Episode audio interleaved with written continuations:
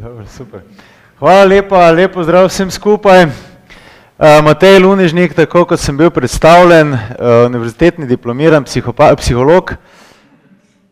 Ne se bati, samo ene parik še iščejo zadnjega predavanja, ko sem imel drugače, sem pa vredo. Kak ste, kaj ste, dobro? Odlično.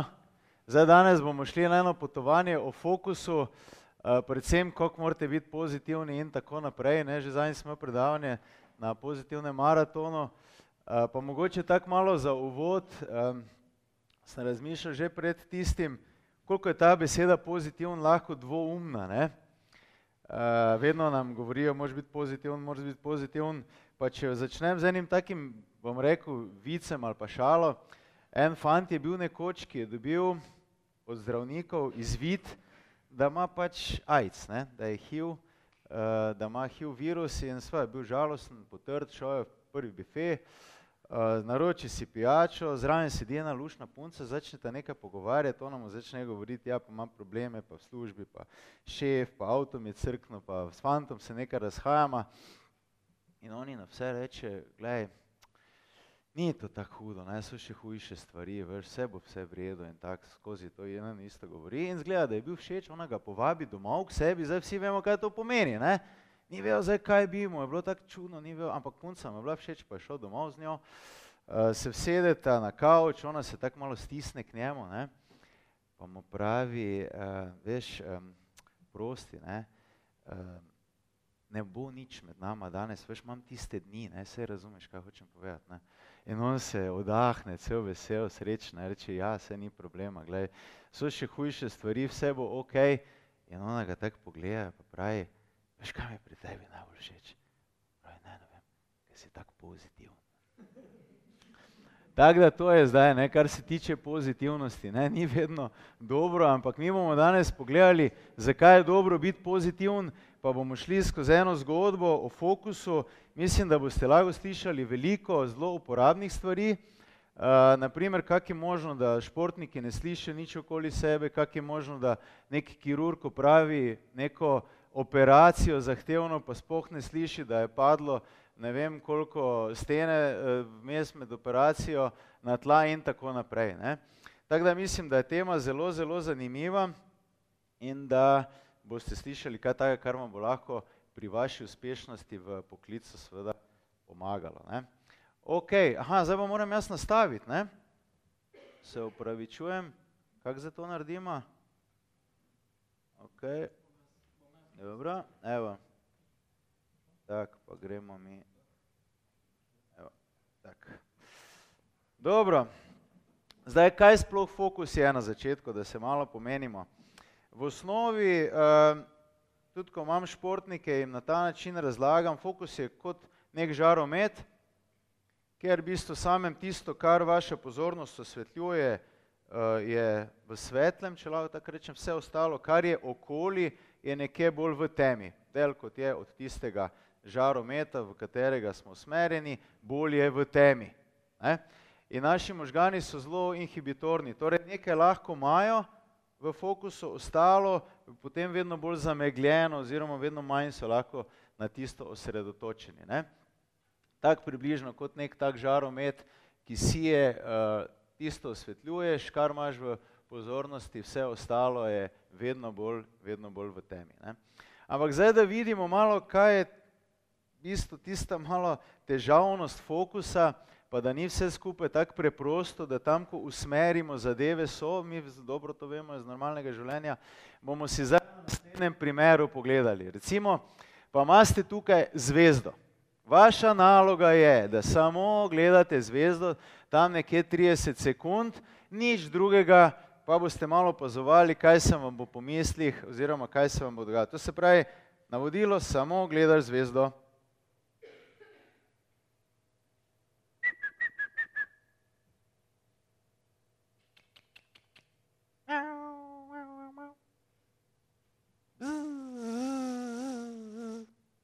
Ej, brigade, hitite, razpodite, zatrite.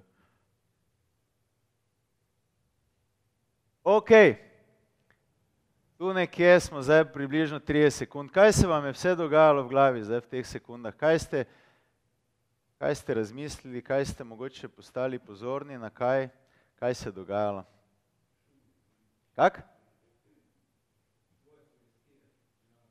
Dobro, to se pravi, kaj uh, ti moji zvokovni dražljaji so vas malo zmotili najbrž. Še kaj se je dogajalo v glavi? Asociacije na kaj? Ne. Na JLA, ne? Kak? Na Heineken. Bravo, ja, vidiš, super. Kaj danes liga prvako? Ne, ne. Še kaj, še komu kaj? Kak se kaj? Odališ, dobro, dobro. Ampak videli ste, da na nek način imeli ste navodilo gledati samo zvezdo, kar je izredno preprosto, vam pa so možgani kar malo begali, ne? malo ste nekaj slišali, malo ste si mislili, kaj ta je res psihopat ali kaj za to nekaj žvižga, malo ste razmišljali, kaj za to pomeni in tako dalje. Se pravi, na nek način niste imeli kontrole nad tem, kaj se je v glavi vaši dogajalo. Ne? Pri tako, bom rekel, preprosti nalogi, kot je to, kaj šele sicer, če lahko tako rečemo. Zakaj se zdaj to dogaja? Glejte, vaši možgani morajo ogromno informacij v vsaki sekundi sprejeti, ogromno. In vaš um, v bistvu sistem, ki to procesira, um, ima v bistvu na dva dela, ga, delimo. Na en je nezavedni, ki pač uravnava vse te naše procese v, v telesu in plus vse ostalo, na katerega nimamo kaj dosti vpliva in pa sva zavedni. Kaj bi rekli, če nezavedni sistem nekje za približno 11 bilijonov informacij vsako sekundo skrbi, 11 bilijonov. Kaj bi rekli, koliko uh, bitov? Uh, koliko bitov pa zavedni sistem v vsaki sekundi je sposoben procesirati? Kaj bi rekli? Oni 11 bilijonov, ta pa koliko bitov? Kaj bi rekli? Zavedni? To se pravi tisto, kar smo mi lahko osredotočeni. Koliko? Koliko, ali pa recimo v procenti, koliko manj, najverjetneje manj, ne? Se pravi, mi ne moramo zdaj na vse razmišljati, aha, mora iti, eh, ne vem, uh, hemoglobin, mora vzeti kar uh, kisik, pa ga pelja do organov in tako, to mi ne rajmo skrbeti, ne? Torej, koliko bi rekli, da zavestni naš sistem lahko procesira bito informacij. Če en 11 bilijonov, koliko lahko naš zavestni? Procentih, recimo, da vam bo lažje. En procent. Še kako mnenje? Še manj? 0,1. Še kako mnenje? 5. Poglejte, nekje 0,6. Se pravi, večina tega, kaj se nam dogaja, procesira nezavedni del. Samo neki mali 60 bitov informacij, nekje imate prostora, vsako sekundo za tisto, kar bi vi želeli početi. Se pravi, zelo malo. Ne? Zdaj, ogromno nekih držav se bori za teh 60 bitov. Včasih imamo zaradi tega svoje probleme. Zdaj pa kako možgani se odločijo, na kaj se bodo fokusirali. To je pa zdaj zadeva, ki ni tako, bom rekel, preprosta. Ne? Poglejte, določeni deli v možganih so zadolženi za dražljaje, ki v bistvu njim največ pomenijo. To se pravi, gre za neko eh, pomembnost. Po tej pomembnosti za nas se možgani odločajo, na kaj se bodo usmerili, na kaj bodo dali svoj žaromet. Tisto, to je glavna, glavna poanta, pomembnost. Ampak vsi pa vemo, da včasih so te pomembnosti oziroma te mape nevronov, ki skrbijo za državljane, ki so njim pomembni, lahko zelo, zelo različne. Recimo, primer, tisti, ki ste poslovni, že ne, včasih spiš, pa se zbudiš tam, pa se nekaj sredi, či se spomniš, kaj moš narediti v službi. Je kdo imel to, kaki taki primer? Ste imeli, ne? Tink, pa naenkrat se zbudiš, mater, moram to narediti, kak sem pozabil, ne? ne, pa moram spati, ker če zdaj ne spal tam zjutraj zmatran, pa daj zaspi, pa ne moreš. Ne? Pa ti to se gusla, gusla, gusla po možganih, praktično nimaš neke tiste prave kontrole nad tem. Ne? Torej, obstaja neka delitev v možganih. Na en del možgan bi to, drugi del možgan bi ono. Kaj se zdaj tu dogaja? Dejansko se dogaja zato, da določeni deli v možganih tekmujejo med sabo, kaj je za njih pomembno in na kaj bodo dali fokus. Recimo prvi taki del v možganih je tako imenovan sistem navad, za katerega skrbi ta okcipitalni režen. Uh, to je en tak zelo nezaveden, bom rekel, del, uh, ki se vklaplja takrat, ko imamo neke navade ali pa ko gre za neko zaščito. Zapravi, če bo nekaj nevarnega, se bo ta režen vklopil, naprimer, da bi prej mi rekla, uh, Karmen, kaj če zdaj prije en noter, pa bo, pa bo začel motiti, kaj boš naredil, boš imel fokus, ja mater, če bo imel pištolo ali pa nož tem leto, ne? Se mi bo takoj ta okcipitalni režen, se mi bo vklopil, pa bom že letel. Ne? Tako da je odvisno, zdaj, če zaznate neko nevarnost, potem se vklopi ta režen in sproži se akcija boj beg, se najverjetneje ste to že dosti slišali. In ta sistem v bistvu skrbi za neke vaše, uh, za neko vašo zaščito ali pa recimo, če slišite neke lučke, uh, uh, gasilci pa že reče, a kaj za ki za neki gori. Ne? Pa lahko ste sredi marsi česa, boste to zaslišali. In ta režen je tudi zadolžen, da uh, zaznava državljane nevarnosti zato pa v bistvu samem eh, mediji ciljajo zelo na ta rež. Ne? V Afganistanu je padel avtobus, 12 mrtvih. Uh, že poslušaš po radio. Ne? Ja, kaj te mene, pa pa začne zanimati, kaj te naj zdaj v Afganistanu, če avtobus dol padel, kaj naj zdaj naredim. Ne? ne, oni te na ta način v bistvu potegnejo, ne, novice so nastavljene zelo na to negativno plat in takoj ta okcipitalni režen se bo sprožil, za njega je to pomembno in boste imeli pozornost na neki taki informaciji. E, negativna informacija je celo toliko močna, da je nekje v razmerju s pozitivno približno 1,7. Se pravi, sedem pozitivnih informacij je za eno negativno, pol veste, kakšno veliko moč, pa kako pozornost vam zame ena informacija, ki je negativna oziroma nevarna. Ne? Torej, zdaj po tej logiki, če si govorite kakšno negativno stvar, morate pol priti domov iz službe, pa se najprej zapreš v kopalnico, pa najprej tam ene 267, krat si nekaj pozitivnega rečeš, da to izravnaš. Ne. Tako da je zelo važno, na kaj boste dali fokus, pa kaj si boste seva govorili, ker ta režen se zelo hitro lahko vklopi, predvsem pa je ta neke vrste motilec vaše neke pozornosti namenske, ki jo bomo potem kasneje obravnavali. Ne? Naslednji režen, ki zaznava svoje državljaje, ki so njemu pomembni, je ta parietalni režen, ki je zadolžen za nagrade oziroma je sfokusiran na to, kaj nam je všeč, pa kaj nam ni všeč. In on zaznava vse, kaj doživljamo v življenju in to povezuje z našimi občutki. Recimo, če dam en taki lušen štajerski primer, ne, če vidiš kozarec, ja, Ne? Takoj se poveže, a Martinovanje, družba, vrej smo se imeli, ne? ok, to, da me vem, žena pol doma skregala po zabo, ne? ampak takoj se poveže, hop, in zdaj bi ti enega spil, recimo. Ne?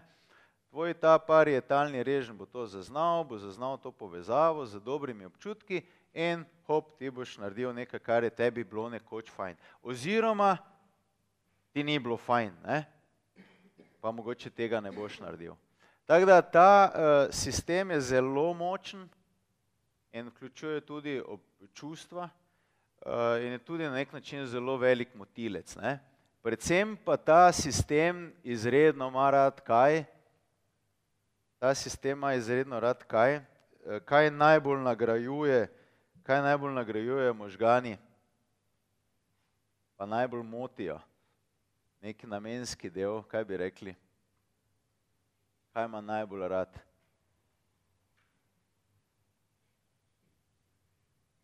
Kaj je največja droga za, za možgane v bistvu v tem sistemu? zelo z lahkoto boste povedali. Malo, malo pomislite, pa rečete. No. Kak? Slišim. Sladkor. Ne, ne, ne. Orgazem, bravo, ne. Na, je, orgazem je zelo dobro, tabletka, ja, ampak uh, ne, ne. Ja, ampak česa? Ne, denar zelo hitro gre dol. Tri dni nekje drži denar. Tako da zato so v bistvu uh, depresijo so tako ugotovili, ne, ko so ti bogataši imeli vedno več denarja, pa so pa bili še vedno, vedno bolj žalosti. Ne, zato ker seveda vsake tri dni so morali na nek način dobiti nove te hormone sreče in za denarje pa zdaj težko zaslužiš vsak dan toliko, ne, kot so vedno bolj, zas, ko so ga vedno bolj zaslužili in posledično potem začneš drseti malo v razpoloženju dol. Ne. Tako da denar ne, Kaj je največja droga za možgane, pa najbolj so pozorni, najbolj te nagradijo? Ne? Ne? Kaj imamo skozi v rokah? Ja, kaj pa je to?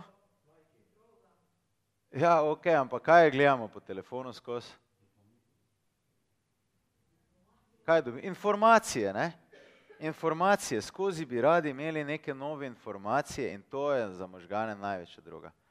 Se pravi, iskanje novosti in informacij skozi kaj je bilo novega, kako je zdaj, le, kje je bil kiki, ne, kaj si ti normalno, koliko je rib lovil ne, in tako naprej. Tako da, to je v bistvu tisto, kar nas najbolj odvrača od tega, kaj bi mi želeli početi. Ne. Uh, tu potem je ta motilec v tem režnju najmočnejši. Ne. Tako da, uh, ta sistem, se pravim, nas na nek način uh, usmerja takrat, ko mi nekaj želimo, početi, kar nam je všeč, ne? kar pa seveda vedno ni tak. Ne? Zato je to tudi na nek način motilec, tako kot prej ta sistem navad. Ne? Zdaj pa je tretji sistem, ki je v frontalnem režnju. Tukaj pa obstajajo nevroni, ki se namensko vključijo. Tu pa imate zdaj, če sta ona dva malo bolj nezavedna in se vklapljata tako, Ne, vidiš eh, nekaj na SMS, recimo dobiš ting, pa si sredi dela, pa te kar tak, kaj zdaj, kdo je zdaj, ne, kdo je zdaj, kdo je zdaj, ne, ej, je bil mater, ne, pa, pa dvigneš, pa pogledaš, ne. Je tako težko, kar note te dela, ting, ting, ting, ting, ting, ne. Težko se opreš, ne. Uh, isto, če boš nekaj slišal, ne, zunaj se težko opreš. Ta sistem pa je v bistvu tisti, ki ga lahko vi namensko vklopite. Zdaj pa kak? Uh, zadolžen je načeloma za, uh, za bistvo tiste zadeve, ki nam na nek način so pomembne oziroma ki bi jih želeli izvršiti in v tistem trenutku, ko se ta izvršilni sistem vklopi v frontalnem režnju, se ostala dva ugasneta. In če nimate tega, potem ste v bistvu samem podrejenem položaju, vas imajo ti nezavedni sistemi v, v rokah in boste težko držali fokus na nečem, kaj bi vi želeli. Zato se to dosti krat dogaja. Ne? In um, ta, ta del možganov je tudi sposoben infiltrirati. Naprimer, aha, zdaj me kliče mama, zdaj me kliče ta, zdaj moram to narediti. Ne, jaz imam to za narediti.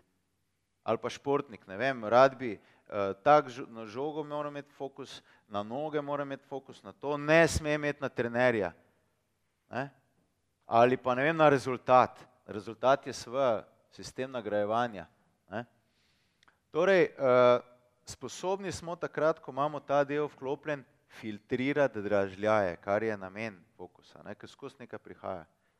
Torej, mi, naša naloga je, da vklopimo ta sistem, da smo v, v, v, v tem delu možganov in takrat lahko namensko dobro delujemo. In ugasnemo ona dva motilca, kar je na nek način tisto, kar je največji cilj, ne? kar nas moti. Uh, zdaj pa seveda, kako to narediti, ne? da pogledamo na nek način, kako to deluje, pa kako močan je ta izvršilni sistem, ki deluje več ali manj, moraš imeti nek močen namen. Ne? Takrat bo potem izvršilni sistem se vklopil. Zato, ker morate razumeti, uh, bi, mi bi vsi izumrli, ne? naši možgani so praktično 15 tisoč let enako veliki in 15 tisoč let nazaj smo še se borili s kakimi plemeni, pa s kakimi medvedi in če mi ne bi zaznali, če bi se mi z ženo pogovarjali tam v oni jami, pa ne slišali, da zunaj renči medved ali pa volk, ne? če nas ne bi ta okcipitalni režen posvaril, bi, ali bi prišel medved lepo not, pa nas pojedel. Tako da, uh, naši možgani morejo biti pozorni na določene nevarnosti. In mi v današnjem svetu pa moramo te, bom rekel, malo bolj primitivne dele možganov znati izklopiti. Izklopimo jih pa lahko samo z nekim jasnim namenom, z jasnim razlogom, kar se bomo potem tudi kasneje pogovarjali. Zdaj pa, da gremo k tem, kako močen je ta, bom rekel, eh, izvršilni sistem, pa si bomo pogledali ta video. Naloga je takšna videli boste dva tima, en bo v belih majicah, en bo v temnih majicah. Spremljajte ekipo v belih majicah in štejte, koliko krat so si podali žogo. Potem boste pa povedali na koncu, koliko podaj ste našteli. To se pravi, naloga je, da vidite, koliko podaj je naredila bela ekipa.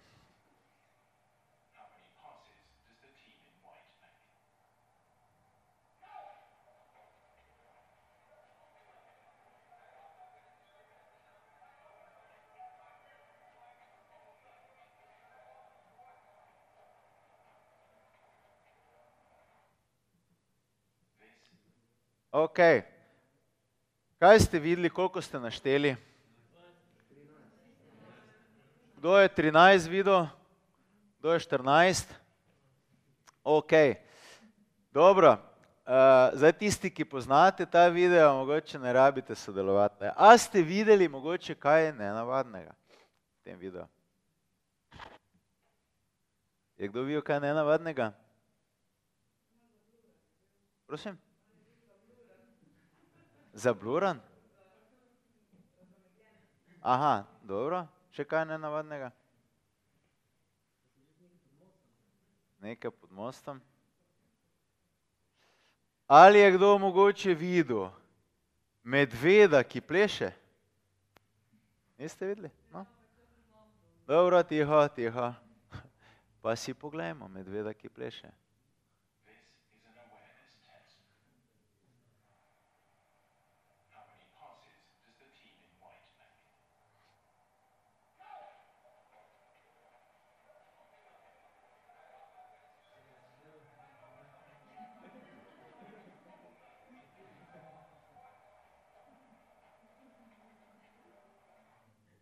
Zanimivo, ne? Da ste ga videli, najbrž. Ste ga vsi videli? Se pravi, prej ste bili toliko okupirani v vašem izvršilnem sistemu z navodilom, z namenom, z nalogo, da niste v bistvu opazili nekaj tako čudnega, kot je en medved, ki gre mimo vas, oziroma mimo, uh, mimo vseh teh ekip. Ne? In če je ta izvršilni sistem zelo močno vklopljen, takrat ste sposobni praktično zelo v fokusu delovati in bo težko karkoli zraven prišlo. Ne? To je tisto, ko sem rekel, kako je možno, da nekdo, ki pf, ne vem, upravlja eh, eno tako težko operacijo, ne vidi, da se pol stropa zrušilo. Jaz sem bral recimo en neurokirurg, eno zelo zahtevno operacijo delal in potem je končal, pa rekel, kaj pa je to? Pa je bil kup, so rekel, ja, gospod doktor, je padlo dol, ne? strop je dol padel, vi sploh niste videli. Ne? Ali pa športniki opisujejo, sploh nisem slišal navijačev ne? ob, ob progi ali pa ne.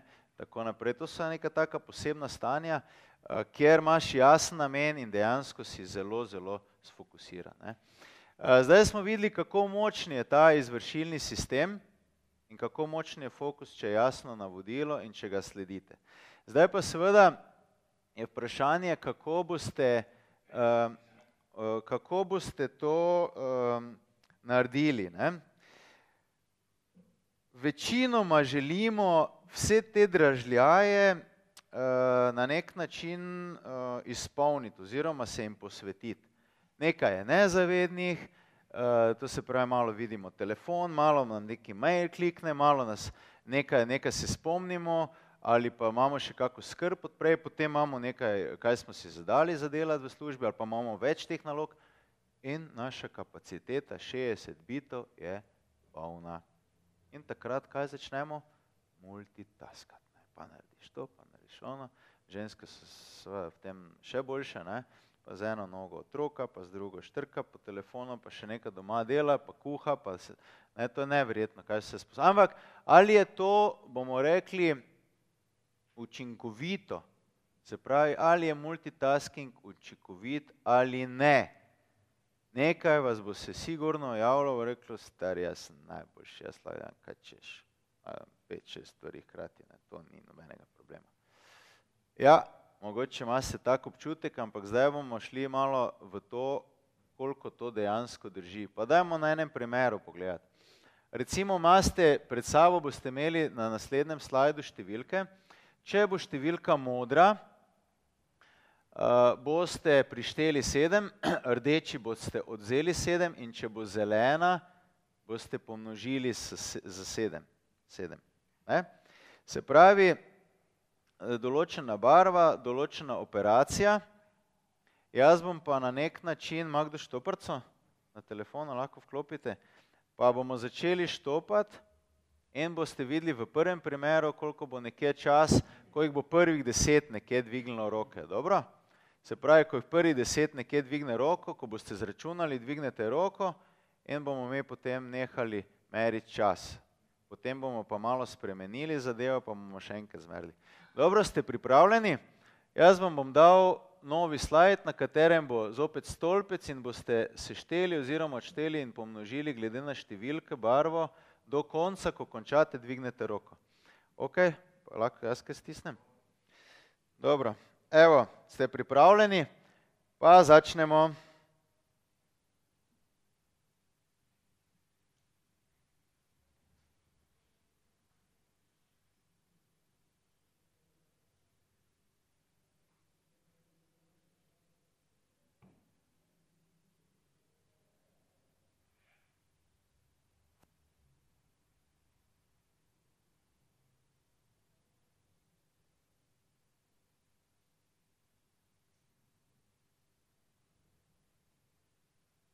Ok, dobro. Zdaj bomo pa novi stolpec odprli, pa enake operacije, ampak bodo številke v malo različnem vrstnem redu, po barvah. Ne? Se pravi, ista zadeva, ko boste končali, dvignite roko.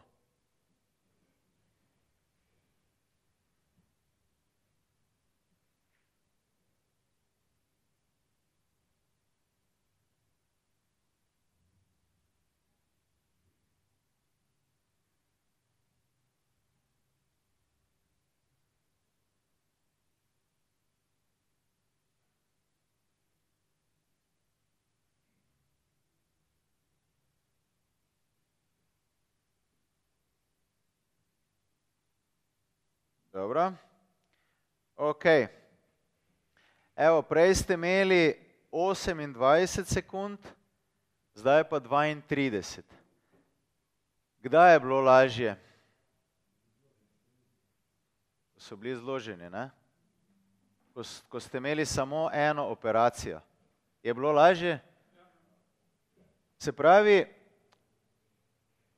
v, po vseh raziskavah, ki so jih delali, um, so ljudje bili bistveno bolj učinkoviti, če so imeli zgolj eno operacijo za narediti. To se pravi, takrat možgani lahko zelo dobro se posvetijo tej eni operaciji in jo dobro izvajo, bistveno manj napake.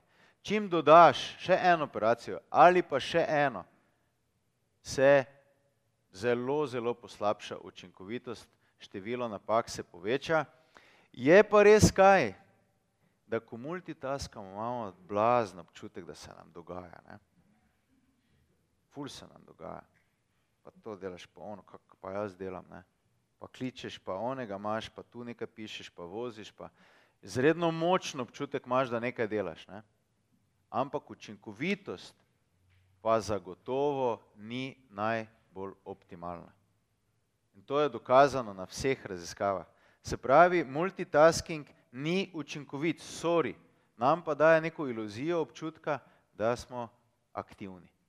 Ne? Zakaj je temu tako? Zato, ker uh, ko počnemo veliko stvari, prvič kot prvič, se vsi ti, uh, tako smo rekli, 60 bitov informacij imamo, se nam ta sistem že zapolni lahko, če imamo preveč operacij hkrati. Neuroni potem začnejo tekmovati med sabo za dražljaj, za pomembnost in seveda energija gre in se upočasnijo. Se pravi, začnejo možgani bistveno bolj počasi delovati. To je to. Drugič kot drugič, sproži se nam kortizol. Kortizol je pa hormon stresa, ne, za dodatno energijo, dodatno aktivira zburjanje telesa in takrat smo bolj tu boj ali beg ali pa celo stanje friz ponavadi, zato ker v, eh, na delovnem mestu mi ne moramo bežati ali pa šefu skočiti za vrat, ne pa se boriti, ali pa stranki, kaki ko nas razjezi. Ne. No, ti si meni rekla, ta, ne moreš, ne ker boš dobil knjižico, ali pa če boš šel, boš tu dobil knjižico. Se pravi, kaj je tretja faza oziroma tretja taka funkcionalni odziv, tretji funkcionalni odziv je stanje friz, zamrznitve. Se pravi, ti otrpneš, pa malo počakaš, da bo šla nevarnost mimo. Ne? Poznamo to, imaš um, to za narediti, pa dobiš mail, pa šef te pokliče, pa doma imaš garažo za pospraviti, pa otroci, ma, pa, te pa se samo vseš, pa se staj, samo malo, zdaj ne vem več, ki se me glava drži. Ne? Pa ne nareš pol nič, če je preveč stvari hkrati. Tako da dejansko nas eh, takrat v prevelikem številu informacij izklapla, bistveno počasneje delujejo. Ne? Zakaj bi rekli recimo, da poznate to, kdaj v cirkusu, ko je, ko je dreser nasproti leva, na nek način v miru, leva s tem stolom na, na robe obrnjenim. Kaj bi rekli, zakaj? Štiri sable. Ja? Še kako mnenje? Se strinjate?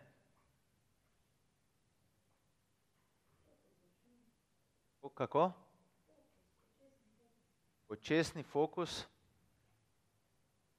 Ampak kak, kak v kakem smislu eh, preveč informacij?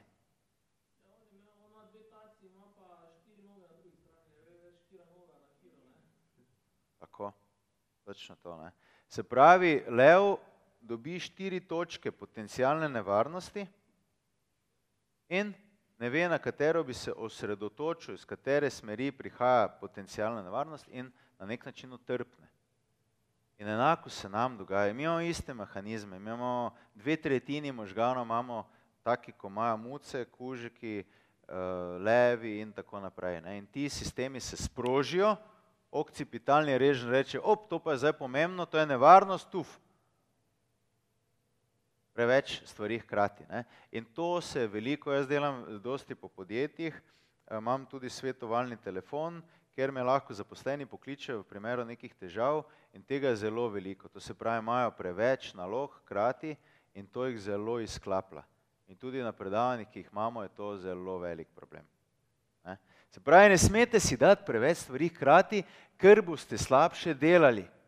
Sorry, morate si narediti prioritete. Prioritete poznate v, uh, po Paretovem načelu, veste, kakšno je Paretovo načelo? 20-80, ne? 20 odstotkov ključnih zadev vam vedno prinaša 80 odstotkov izplena. Spravi, potrebno si je narediti prioritete kaj nam je pomembno.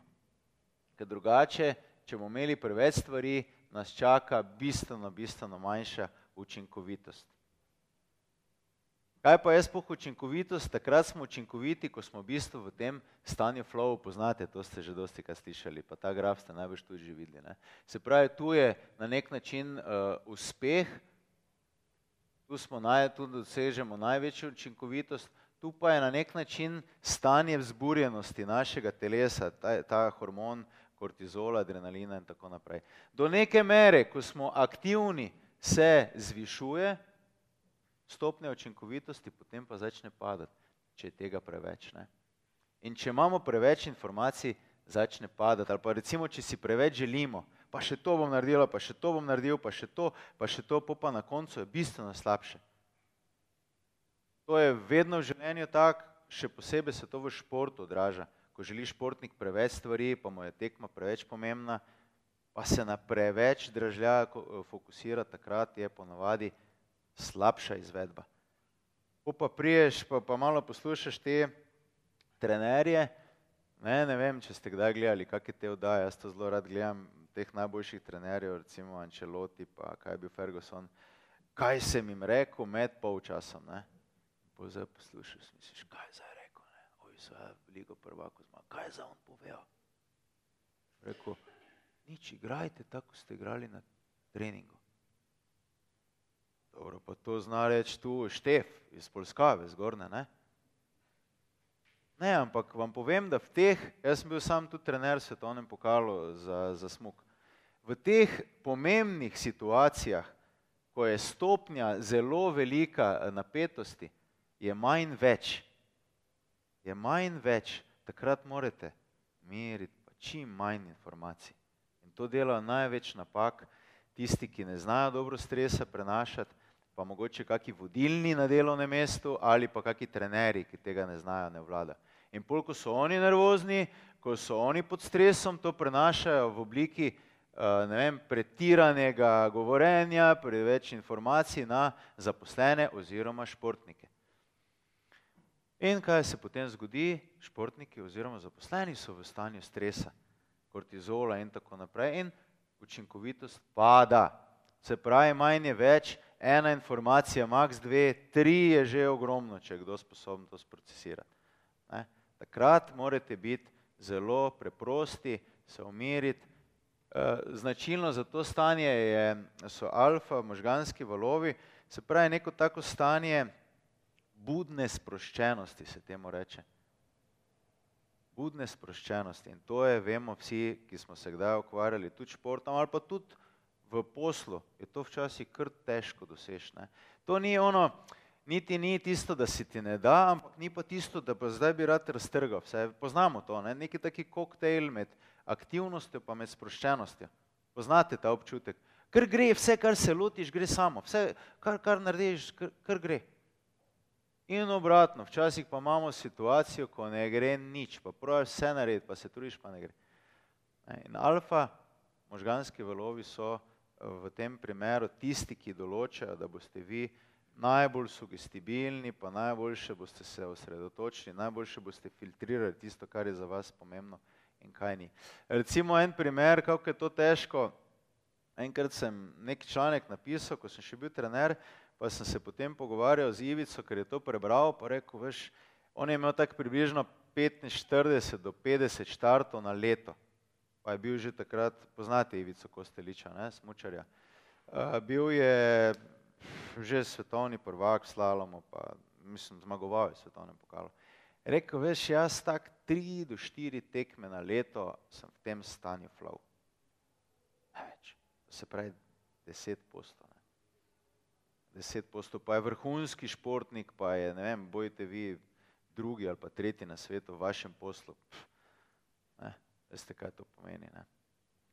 Pa ima tak nizek odstotek tega flow stanja. Tako da ni toliko lahko v to prid, eh, svoje, če pa to treniraš na nek način, pa je, pa je, pa je bistveno lažje. In zdaj bomo se malo tako dotaknili, kako pa lahko vi izboljšate vaš fokus in kaj morate narediti. Predstavil vam bom model, po katerem delam, ne samo športnike, ampak tudi z uh, drugače ljudmi, ki bi radi napredovali v čemerkoli ali pa s kakšnimi vodilnimi, z menedžmentom, s kadrom vodstvenih struktur. Namreč gre za model, ki nam omogoča, da ta izvršilni sistem najbolj močno deluje. Kaj so tri glavne značilnosti tega sistema, ki ga morate imeti? Prvič, ko prvič mora biti jasen rezultat, ki ga vi želite. Dosti krat tega ni Dosti krat imajo ljudje, jaz bi rad bil malo boljši ali pa rad bi malo napredoval, pa ne vem, ne, ne dajo si čisto jasen cilj. Cilj mora biti merljiv in mora imeti nek rok. Merljiv, kratek, jedrnat in mora imeti rok, dokdaj. Ne, se to ste najbolj že dosti poslušali, to ne bom zdaj razpredal, ampak ta rezultat, ki ga vi želite, je zelo, zelo, zelo pomemben. Tu se že dosti krat ustavi, ko delam s komarkoli. Zdaj pa, če želite recimo malo to sprobati, je kdo tak, ki bi mogoče potem tudi želel to v praksi malo probati tukaj. Če je kdo tak, naj vzame mogoče na drugo stran lista, um, ko je prazno, pa si naredi mogoče te tri kroge. Če kdo želi to malo zdaj probati, pa bomo naredili čisto v živo, kako to lahko vam pomaga. Maste kak cilj si zamislite recimo v življenju, ki vam mogoče zdaj bi prav prišel, če bi ga dosegli, pa lahko poskusite sami to zdaj narediti, potem pa, če bomo, eh, če boste želeli, lahko to tudi dejansko probamo preko nekega mentalnega treninga to sprovesti. Na, tukaj, ko smo imeli v Narodnem domu, sem še imel eno, ki mi je to pomagala z nekom narediti, zdaj tega pač nimamo časa, zato tisti, ki želi, lahko to proba zdaj tukaj v živo. E, Imate šanso, drugače moja, moja ura je kar draga, tako da tu imate zastojn, lahko probate. Naredite si, pa boste šli. Torej, prvo je cilj, malo poslušajte, pa probajte zraven sodelovati. Ne? Kaj je potem tista druga zadeva, kjer ponavadi nam že zastane vse skupaj?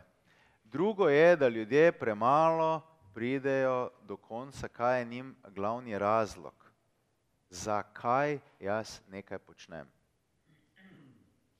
Zakaj? Tu je tisti ključ, ker mi smo rekli, da fokus se orientira na to, kar je pomembno možganom. Če možgani ne vejo dobro, kaj vam je pomembno oziroma zakaj vam je pomembno, se ne bodo tako aktivirali. In kaj je največja, bom rekel, najboljše gorivo za možgane? Zakaj spoh vse, kar počnete, kaj je na koncu igrice, če lahko tako rečemo? Nagrada v obliki česa?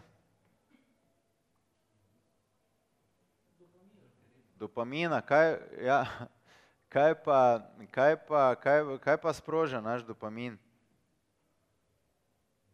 Kaj je na koncu, kaj v bistvu mi na, na nek način si. Kak? Status, dobro. Kaj nam status da? Zadovoljstvo, še kaj? Srečo, še kaj dobimo? Kako? Ugled. Samo kaj? Samo podobo, višjo, ja. Notranji mir. Še kaj dobimo, ko nekaj dosežemo? Potrditev. Tako, denar smo že rekli. Kaj, kaj, kaj imamo potem, ko dobimo denar? Kaj dobimo, ko, ko dobimo denar? Svobodo. Še kaj? Uresničitev, ja. Vrednost. Čutek vrednosti, ne? Kaj so to, kar ste zdaj malo naštevali? Zadovoljstvo, Sreča, recimo, da boste nek res močan cilj dosegli, ki si ga želite. Osebnostno rast, ja. ja. Še kaj? Kako? Ja, ja, ja, ja. Prijemo do tega samo iz, prosim. Potrebe, ja. To so na nek način kaj? To so neki občutki, neka čustva, ne? Pravi, praktično vse, kar počnemo v življenju, počnemo na koncu zaradi nekih čustev. Denar nam da neko možnost, da gremo nekam, da si kaj kupimo, da živimo eh, na določen način, zopet nam to daje občutek zadovoljstva. Bilo kaj počnemo na koncu, ali je občutek ponosa, samo izpopolnitve, eh, samo aktualizacije po maslovu. Ne? In to je tisto, kar nas najbolj polni. Če mi ne vemo, zakaj nekaj počnemo, imamo problem. V osnovi, če mi to počnemo zaradi denarja, ni nujno, da je za denarjem čustvo, ki ga mi želimo. Vsi ne morejo biti bogati. so lahko srečni, nekateri tudi brez denarja. Zakaj? Ker lovijo čustva. Ne more biti vsi prvi, ne more biti vsi, jaz bi pa rad imel medaljo na olimpijadi. Ja, sorry, samo trije so tam. Kaj ti iščeš, kaj boš pol imel, če boš, ne vem, peti, deseti, ne? Dosti, kar sem živel koga, ki je bil, recimo eh, Personova je bila enkrat druga na enem svetovnem prvenstvu, ena naša pa je bila devetnajsta, pa je bila naša ko sonce srečna, ova pa je celi krožnik olivnega olja si je nalila, pa se tam nekam v kot skrila, pa je pojedla, vse je tako je bila živčna, ker je Janica premagala. Ne. Pa je bila druga, no, kje je tu logika? Ne? Se pravi, ne iščemo samo tistega rezultata, ampak iščemo zadaj vedno čustvo. Ne? Vse, kar počnete, počnete zaradi čustva. Predvsem pa je močno to čustvo samo iz popolnitve. Torej, jaz delam nekaj, kar mene polni. In če nimaš tega zakaj, tega razloga, pol imaš osnovni problem. In tega veliko ljudi nima. Ali pa si mogoče preslab razlog. Da, ne? In ko mi delamo recimo z komorkoli, športniki, z direktori, vedno na koncu prijemo do tega, da ugotovijo, da tisto jim potem pomeni dejansko neko samo izpopolnitev, nek občutek ponosa, nek občutek vrednosti in to je tisto, kar te polni. Ne? Zdaj, ko pa to imaš, ko si to šel skozi, tisti, ki pišete, si lahko malo zraven sestavite, ne? kaj je za tisto, kar bi jaz želel dosežiti in kaj mi da tisti neki razlog. Ne? Ker če nimamo razloga, je, je potem problem. Recimo, če vam povem eno, uh, eno raziskavo, v meni fascinantno, ki so naredili na Harvardu. Um, namreč najprej so nek del ljudi, so jim dali elektrošok, ki je bil tako relativno močen, in potem so jih vprašali, a vam je to fajn, in za čuda so vsi rekli, da jim ni fajn, ne? da jih strese elektrošok. In eni so celo rekli, pa jaz sem pripravljen kar nekaj plačati, da ne bi tega elektrošoka več dobil. Ok, vrejo. Zdaj so pa iste ljudi dali v eno sobo, nič ni bilo v tej sobi, in noter so morali biti 15 minut. 15 minut, ampak na sredi mize je bil en gumb in če so stisnili ta gumb, bi dobili enak elektrošok, kot so ga dobili prej. Če bodo stisnili ta gumb, so rekli, ne bo nič čas skrajšal, Ne, pač je up to you. Ali stisneš ali ne stisneš, ti boš 15 minut not. In kaj bi rekli, so ljudje kaj stisnili ta gumb? Koliko bi rekli? Koliko so naprimer moški, pa koliko so ženske, je, če je kakšna razlika? Da so ženske večkrat? Aha. Dobro.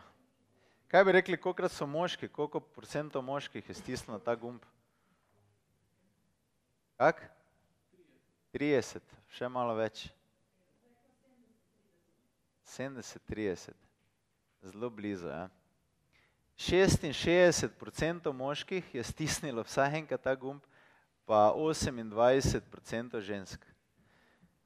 66 moških je vsaj enkrat stisnilo. Ne? da prođe vreme. Ne? En je celo 109 krat stisnil, 15, to je, da vam pomagam pri matematiki, tam nekje na 5 sekund.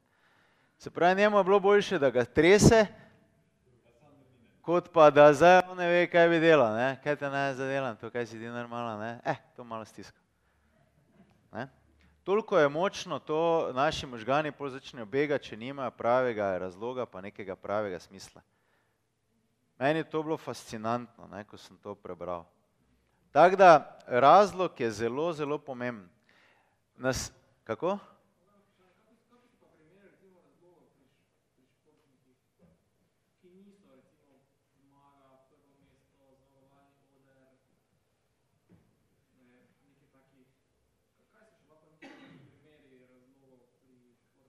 Razlog za, zakaj?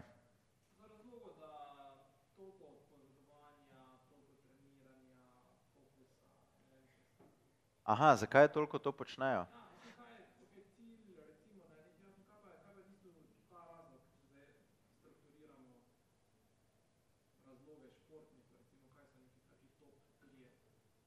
Ja, za teh razlogov je ogromno, pa tudi spreminjajo se z leti. Ne. Recimo pri otrocih je največji motiv otrokom tam nekje do 12. leta druženje, ne. Uh, potem pa zadeve bolj pridejo v smeri rezultata, ne. to se pravi, radi bi bili, vem, najboljši na svetu, rad bi bil tako Federer, rad bi bil tako Tina Maze, ne.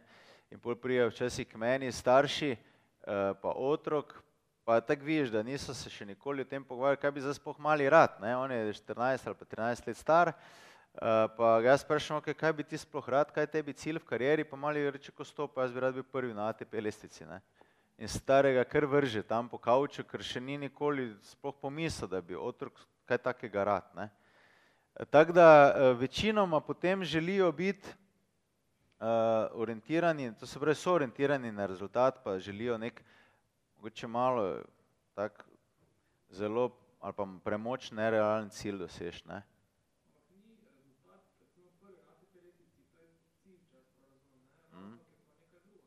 Razloga pa ne razumejo. To je problem, ne, da potem, ko ti delaš sploh s športniki ali pa z otroci, uh, pa tudi potem kasneje, uh, je njim razlog marsikaj, ne, recimo tako ste rekli, ja, zakaj bi jaz rad imel najboljše podjetje, uh, Zato, ker bom pač potem dosti zaslužil, to je to. Ne? Pa se rečem, ja, kaj pa ti to prinaša? Ne? Ja, pa to, pa to je, kaj pa boš potem imel, kako se boš potem počutil in pol vedno prijemo do tega, da se boš počutil izpopolnega ali pa ponosnega in tako naprej. Tako da ne vejo. Prosim? Ali pa končajo tako nikene na nek način. Ne? Uh, ampak dobro, teh razlogov je ogromno, do takih res malo, bom rekel, patoloških. Včasih marsikdo dela kar kaj takega, ko ne ve, zakaj točno. Ne. Recimo, da bojo starši zadovoljeni ali pa bi želeli, ne vem, komu ugajati ali pa to je zelo do, veliko razlogov, ne, ki včasih niso najbolj konstruktivni pa vezani na cilj. Ne. Tega je ogromno. Ne. Um, Ampak zelo pomembno je, da imaš jasen razlog, pa da točno veš, kaj bi rad. Ne? Pa da potem, v bistvu, ko se prebijemo skozi to viš, če sploh ta cilj za tebe, to, to se nam kdaj zgodi, da oni vidijo, da v bistvu to ni to, kaj bi on rad. Ne? Ne? Ampak razlogov je ogromno. Tu bi zdaj lahko, če bi sploh psihodinamiko vzeli, bi vam lahko še ene dve uri predaval. Ne? Ampak bolje rezultat ali pa neki drugi uh, motivi druženja. Zdaj pa kaj je naslednja zadeva, ki jo pa moraš v tem modelu narediti, pa je jasne aktivnosti, ki jih moraš izvajati. Uh, tu so pa tiste aktivnosti, ki so zelo, zelo konkretne, ne pa všalne, ampak konkretne. Naprimer, da imaš rad bi diplomiral do konca tega pa tega leta, jasno, kaj boš naredil, koliko krat na dan se boš učil, katere predmete in tako naprej, ali pa če se za posamezni izpit učiš. Uh, Uh, naprimer, da želiš biti športnik, si tu potem napišeš točno, kaj moraš narediti na, na, v, v tisti vožnji ali pa v meču ali pa v tekmi. Ne. Moram biti pozor, ne vem, da podajam, če sem vezni igralec, da, da sem sproščen, da sem samozavesten. Ne. Se pravi, konkretne informacije. Uh, ne vem, kot podjetnik pa, naprimer, da imam uh, kaj pa vem, kaj si lahko podjetnik točno da. Ne?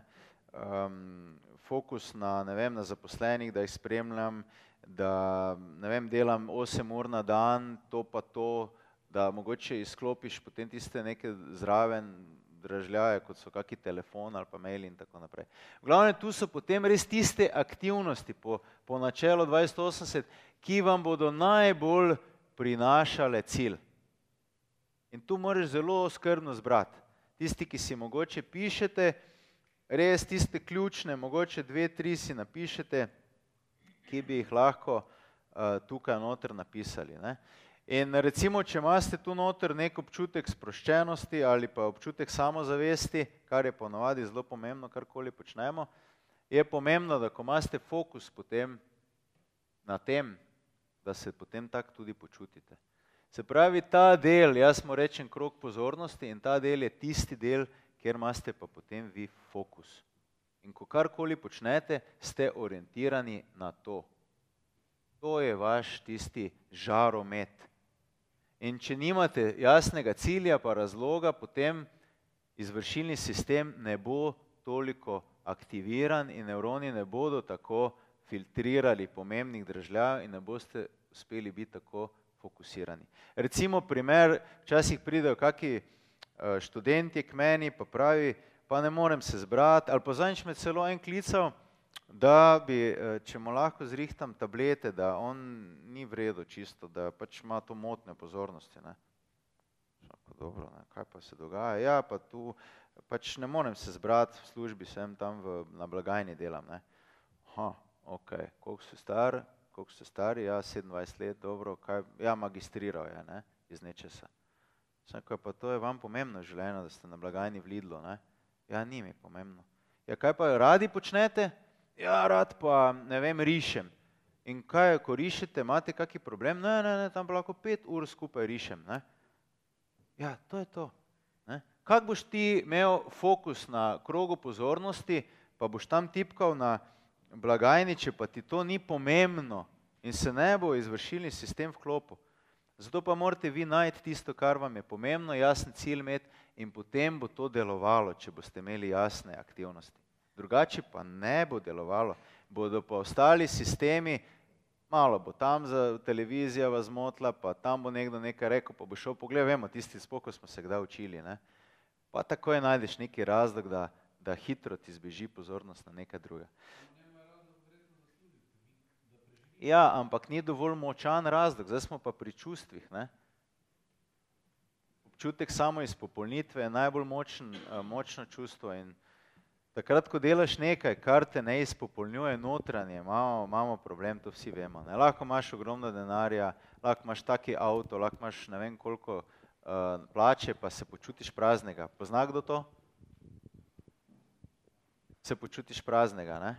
Ko pa delaš nekaj, kaj te veseli, takrat pa ti dobiš tiste občutke, ki jih eh, zasleduješ. In potem boš lahko imel fokus ali na vrtu, ali na eh, vinski trti, ali na risanju, ali na športu, ali na nečem, kar te dejansko polni. In to je vaša naloga. In takrat boste imeli zelo dober fokus, če boste najdli tisto področje, kjer se vam bo izvršilni sistem vklopil.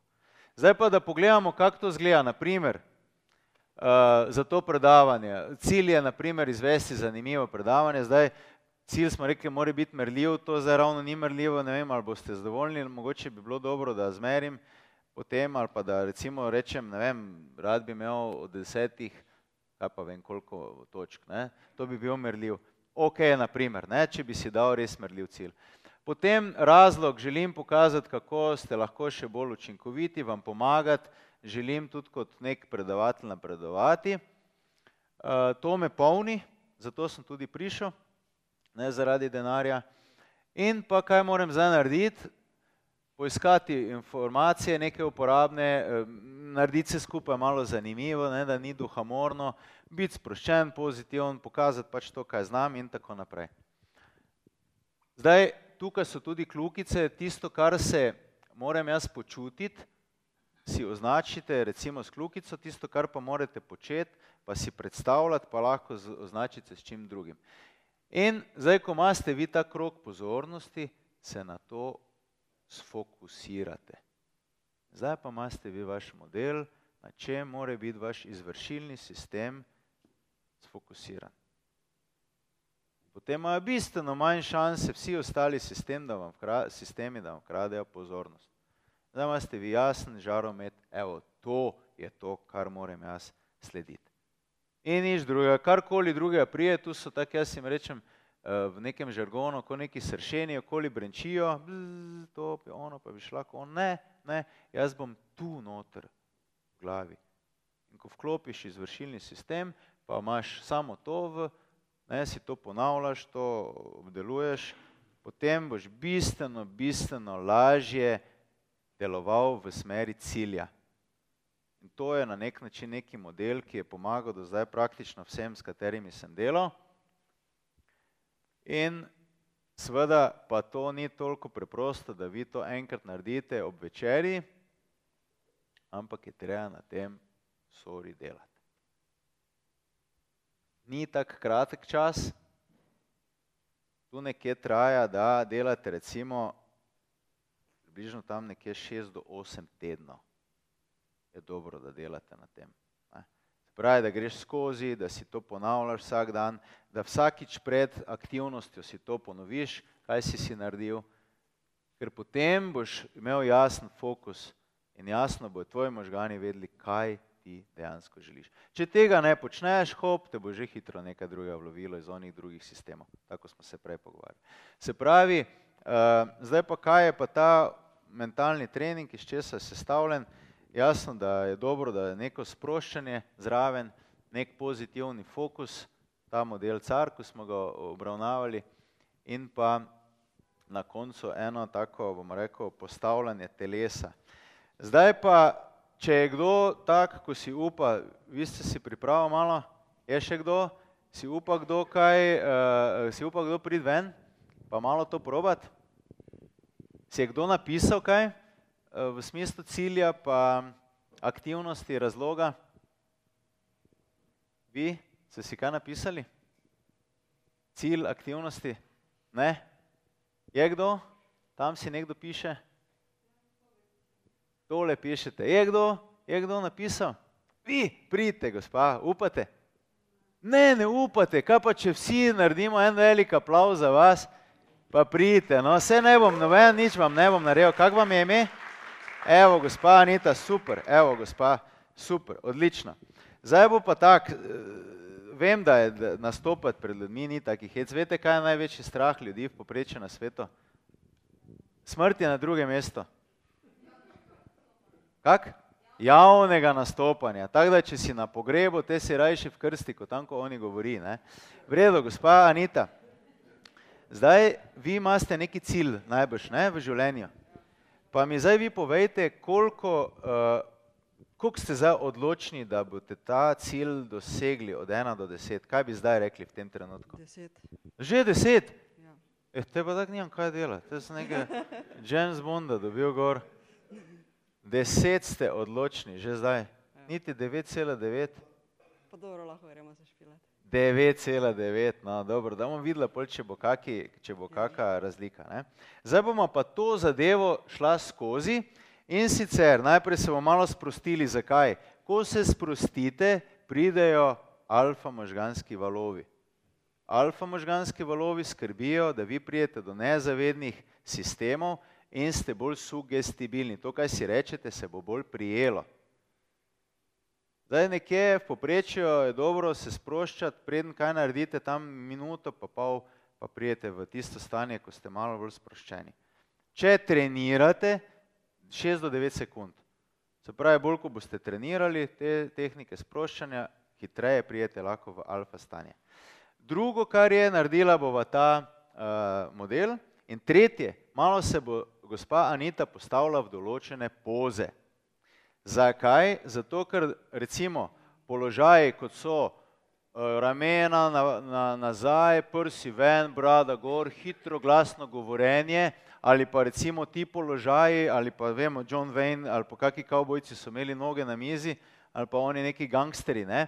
dejansko sprožajo testosteron in možnost za vašo akcijo, tam nekje 32% več testosterona dobite, če ste recimo dve minuti v tem položaju. Ja? Ubeci. Testosteron. Tako da danes večer, ko, ko, ko prijete z kopalnice, lepo pred spalnico, se postavi, še o žena, prihajam, vrej sem, sem že pokon, uh, trd, uh, mislim, ja tu sem že prijem, pripravi se, ne, malo stojite pa, ne. Več kot 20% se vam zviša uh, možnost za akcijo, katerokoli, ne samo ta vaša, ne. Tako da uh, je to res dejansko deluje, uh, temu se reče motions creates emotions. Vaši položaji telesa sprožajo notranje odzive. Zakaj? Zdaj, če se jaz tako postavim, pa si rečem, kaj drek sem, pa kaj si ti, vse ne morem nič, ne. Pa sem navadna nula. Čudno mi je, ne? Ali pa če bi rekel, stari, ti si najboljši, ti si ful dober, ne. Ti si res najboljši si, gledaj.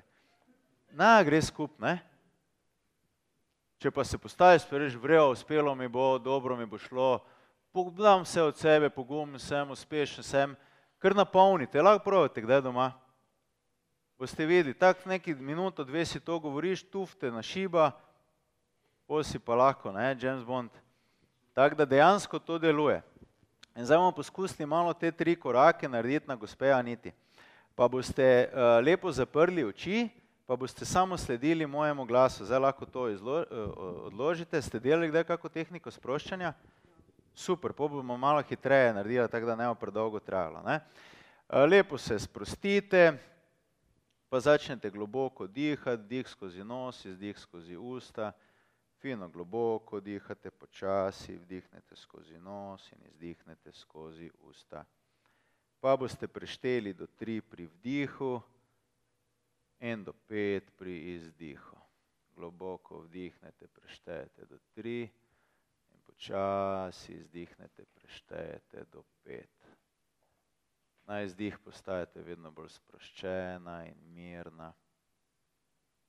Vedno bolj sproščena in mirna. Zdaj pa preštev do tri in ko preštejem do tri, boste tako fino mirni, sproščeni, zelo dobro se boste počutili, lepo boste osredotočeni na sebe. Ena, vedno bolj mirni ste, počasi dihate. Dva, sproščeno, vdih skozi nos, izdih skozi usta. In globoko vdihnete, malo zadržite sapo in na izdih je tri. Zdaj ste fino sproščeni, si rečete sproščena sem, še vedno imate zaprte oči, mirno, osredotočeno, fino na sebe. Pa si ponovite ta vaš cilj pri sebi v, v, v mislih. To se pravi, si ponovite cilj, kaj je moj cilj, jasen cilj, si ga ponovite. Zdaj pa si rečete, kaj morate dejansko narediti. To se pravi, kaj so vaše aktivnosti. Pa si jih lahko kar predstavljate nek, ene tri bova vzela, recimo si predstavljate, da to počnete, ker predstavljate si, ne samo, da si rečete. Predstavljate si, če pa je kako stanje občutka, pa, si, pa to začutite. Čutite oziroma si predstavljate kar tisto, kar je noter v tistem največjem krogu. Si predstavljate to, točno veste zdaj, kaj morate narediti, greste skozi. Zdaj si pa še rečete vaš razlog. Kaj je vaš razlog, zakaj jaz to počnem? Si še ponovite in greste to skozi. Zakaj jaz to točno počnem?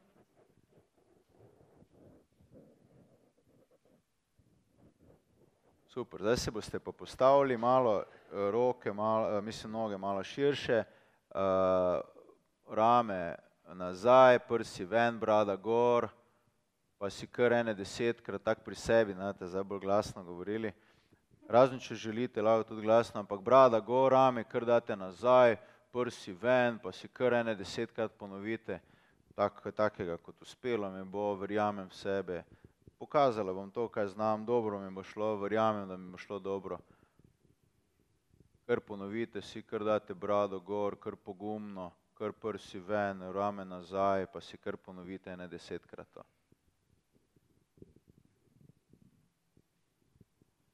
Super. Zdaj pa preštela do tri, boste odprli oči, pa boste povedali, kako vam je šlo. Ena, dva in tri. Super. Gospa Anita, kako je šlo zdaj? Kako ste se počutili? V redu. V redu, sprostili ste se? Ja. Ste dobili jasni fokus, kaj morate početi? Ja. Ja. Kako se pa ste se potem počutili, ko ste malo šli to skozi? V bistvu so zanimivi občutki, ker najprej imaš občutek, da si neke stvari že predelal, pa gotoviš, da pa še vseeno mogoče ni čisto tisto in pol si avtomatsko sama pri sebi rečem, glej, ja, glej, si prišla že, idi tukaj naprej, ne, ni tu zdaj, ne se tu zaustaviti, ampak idi naprej. Mm. Dobro, imate zdaj občutek, da vam je bolj jasno, še bolj imate? Ja. Pa smo tako čisto kratko naredila, ne? ker ja. dru, drugače ja, del vem. traja. Ne? Ja, vemo. Tako ste za na deset? Ja, sem ja. Bravo, gospa Anita, super, evo. Evo, hvala lepa za vašo pomoč. Čisto na kratko smo zdaj to naredili. Ne? Seveda del, ko ta zadeva traja, bolj se to, bom rekel, potem um, ponotrani in na dolgi rok, tako smo rekli, tam nekje 6 do 8 tednov boste potem to res že imeli uh, v neki svoji navadi, če boste to delali. In še nekaj vas moram razočarati, Ker zadnjič en gospod prišel po predavanju in rekel, ja, veste, vse ste bili super, samo jaz sem že star. Ni starosti. Možgani so neuroplastični, kadarkoli v življenju jih lahko izurite za karkoli dokazano. Tako da ni nekih izgovorov. Če trenirate, če boste delali na tem, če boste vztrajali, če boste znali v alfa valove priti, boste lahko to fino, fino potem ponotralni, boste lahko dobili močen fokus, ki bo zelo dobro držal naprej. Ne? E, dobro, en tak lušen, bom rekel, prikaz tega, kako to zgleda. Zdaj pa za konec, pa bi vas samo prosil, da se orientirate vse, kar je rjavo tukaj v tem prostoru. Poglejte vse, kar je rjavo, si malo pogledajte, pa si projete zapomniti vse, kar je rjavega. Vse, kar je rjavega, si zapomnite, se osredotočite na to, kar je rjavega, si zapomnite. Zdaj pa zaprite oči, prosim lepo, zaprite oči in ko imate zaprte oči, pa se projete spomniti, kje je kaj zelenega. Ali pa kje je kaj rdečega. Je kje kaj modrega? Malo težje gre zdaj, ne? Mm. Dobro, lahko odprete oči. Malo vam je zdaj šlo težje, ker ste se v osnovi orientirali na rjavo, ne? In tako bo v vašem življenju. Tisto, kar se boste orientirali, to bo vaši možgani dali v žaromet, ostalo bo na nek način, bom rekel, šlo, um, pa ne bo v vašem fokusu. Tako da je zelo, zelo pomembno, na kaj boste usmerjali z vašim izvršilnim sistemom vaš fokus. In če boste imeli jasni namen, boste bistveno, bistveno lažje usmerili tja fokus, kjer bi vi želeli. Jaz vem, da to se sliši tako kot neka teorija, ampak pa vem, da imamo ljudje veliko, bom rekel, nekih težav in da včasih težko, ker si te negativne stvari zelo, zelo močno zapomnimo. Naši možgani imajo potem zelo fokus na temo, pa nonšto premljevamo, kaj je bilo slabega ali pa bistveno več časa. Ampak danes veste, da z dobrim zakaj, z dobrim fokusom, z dobrim uh, ciljem lahko vse to premagate z nekim treningom na dolgi rok in si zgradite svoj fokus in si zgradite svoj sistem, kako boste delovali naprej. In zato danes potem idite domov, naredite si svoj model in delajte na tem. Verjamite, ker zagotovo vam lahko potem uspe, predvsem pa dajte te negativne stvari na stran in obrnite žaromet iz tistih zadev, ki so vam mogoče povzročile kaj slabega na tisto, kar vas čaka dobrega in zagotovo vam bo uspelo. Pa bi končal z eno tako meni zelo ljubo zgodbo. Nekoč je bil en podjetnik, ki je vsako leto daroval veliko denarja cerkvi, pol je pa eno leto prišel pa rekel župniku, gledajte, tu še imam par tisoč evrov, jaz sem propadel nimam več denarja, tako da ne bom vam več mogel nič dati, z mano konec, jaz ne vem, kaj bom naredil, ampak to je to. Reko župnik, pa gledajte, malo mi je hudo, ne. Kako vam lahko pomagam? Ne morete mi pomagati, z mano je konec, na koncu sem, pustiti, ne vem, to vam še dam, pa grem. Ja, pa gledajte, zdaj, če vam lahko vsaj povem, kaj mi naredimo v teh situacijah, vržemo Biblijo in tam, ko pade na tla, vzamemo, damo prst gor in tam, ko piše, ponovadi skrita neka rešitev. Sloniš si svoje misli, pa gre, župnik je bilo hudo, ampak kaj je hotel narediti drugega in čez ene, dve, tri leta prije ena limuzina velika pred, pred uh, cerkev, stopi župni, eh, mislim ta poslovnež ven, že vdaleč maha, gledajte, jasno spel imam, zdaj denar, lahko vam dam, vsako leto še več boste dobili. Ja, kaj je? Ja, po, po, po vaši zaslugi, za vaš nasvet. Res, kaj pa je bilo? Ja, nič, to sem naredil, vrgel sem Biblijo in pogledal in tam je pisala rešitev. Res je, kaj pa je pisalo? Ja, pisalo je 19. poglavje. Tako dobro, se malo se ne spomnim, veste, kaj pa je pisalo v tem 19. poglavju, rekel župnik. Ja, rekel, poslanš, ne vem, kaj je pisalo. Ja, čakajte, zdaj pa ne razumem, kako je za to možno. Vam je pomagalo, pa ne veste, kaj je pisalo. Glejte, tako je bilo. Ko sem jaz pogledal in videl, da piše 19. poglavje, sem se zavedal, da karkoli je v naslednjem poglavju, je prejšnjega 18. poglavja konec. Tako da dajte tudi vi obrniti nov list v vašem življenju, usmeriti fokus naprej, pa vam bo zagotovo uspelo. Hvala za pozornost. Če imate še kakršna koli vprašanja, karkoli sem na voljo, lahko vprašate. Tu so moji kontakti, če vas bo karkoli zanimalo, če boste imeli kakršne koli želje um, ali pa motive, drugače pa izvolite s vprašanje, je še kako, kaka, kaka, kako vprašanje, kakšna želja? Če koga kaj zanima? Izvolite. Kje vi menite, da lahko pomagate ljudem, ki smo start-uperji ali pa ki vodimo podjetja in kaj so najpogostejši načini ali pa metode pa področja, kjer pomagate?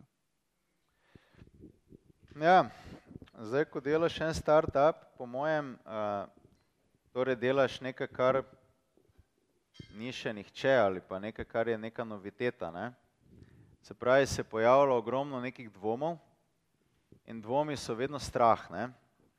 Dvomi so tisto, kar ti na neki način povzroča neki občutek nevarnosti, da boš naredil napako ali pa da boš, da boš potem vse skupaj zavozil, da ti ne bo uspelo, ne. Zelo pomembno je takrat, da imaš res jasen model, kaj moraš ti početi. In takrat, ko imaš jasen model, je treba zelo dosti na tem delati, da ti vidiš, kaj moraš početi in na podlagi te inhibicije, torej možgani, to, kar gledajo, to imajo v fokusu, ostalo je bolj v temi, smo rekli. Če si boste vi dali v glavo to, kar morate početi, možgani ne bojo imeli toliko časa, da bi razmišljali bedarije, če vam po domače povem, ne? Enostavno. In če imate vi konstanten fokus na tem, kaj moram delati, kaj, kaj mene pripelje do tega cilja, zakaj jaz to počnem, boste imeli tega več v sebi, in oni, okcipitalni režim, bo imel manj dražljajev za potencijalno nevarnost in boste tudi manj tega občutka či, eh, čutili.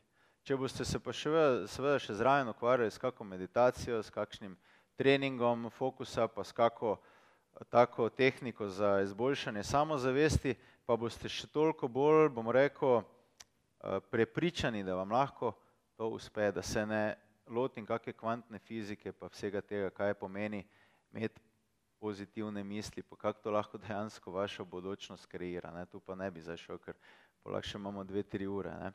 Ampak to bi jaz rekel, se pravi, vklopiti tisti del možganov, ki je zadolžen za pot do cilja, in če boste imeli ta jasen fokus, se ostali, ki so zadolženi za nevarnost, ne bojo toliko vklapljali in potem boste po mojem bistveno lažje to dejansko dosegli, seveda če imate dobro idejo, ne.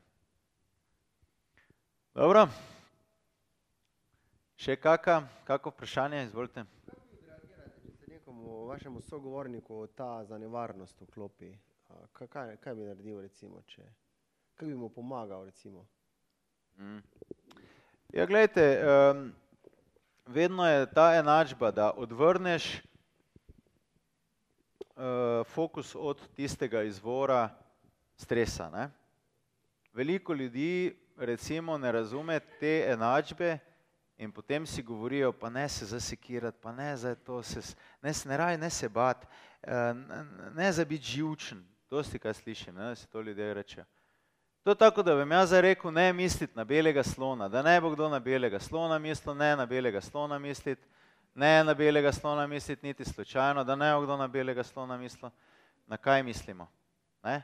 Se pravi, v tistem trenutku, ko smo mi tam v izvoru, karkoli si govorimo okoli tega izvora, ne ali kakršnokoli drugo besedo, bomo tam.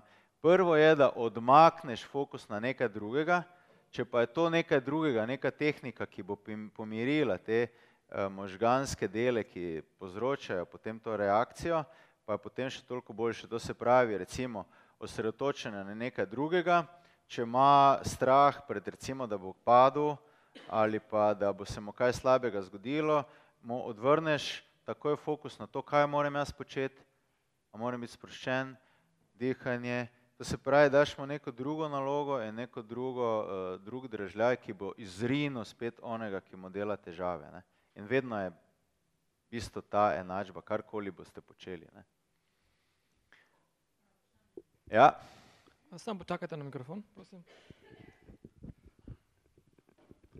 Lahko se mi malo približate. Kaj je, eh, kaj je po vašem boljše, da si določiš čas, če si kot samostojni podjetnik pa delaš eh, za računalnikom cel dan, da si določiš čas in nastaviš eh, uro, eh, kdaj boš imel pauzo ali delaš po občutku? Pa koliko je po vaše ena taka um, mera zdrava, ko si še lahko skoncentriran? Dobro vprašanje, hvala. Um, zdaj definitivno je dobro, da imate, uh, če imate težave s fokusom, ne, da imate nek čas, ker potem da ste jasno okvir možganom, kako dolgo bojo nekaj počeli. To je lahko tudi recimo v tistem krogu pozornosti, noter delal bom, ne vem, 8 ur, 50 minut, 5 minut pauze, naprimer, ne. Se pravi, si daš jasno navodilo, jasna informacija.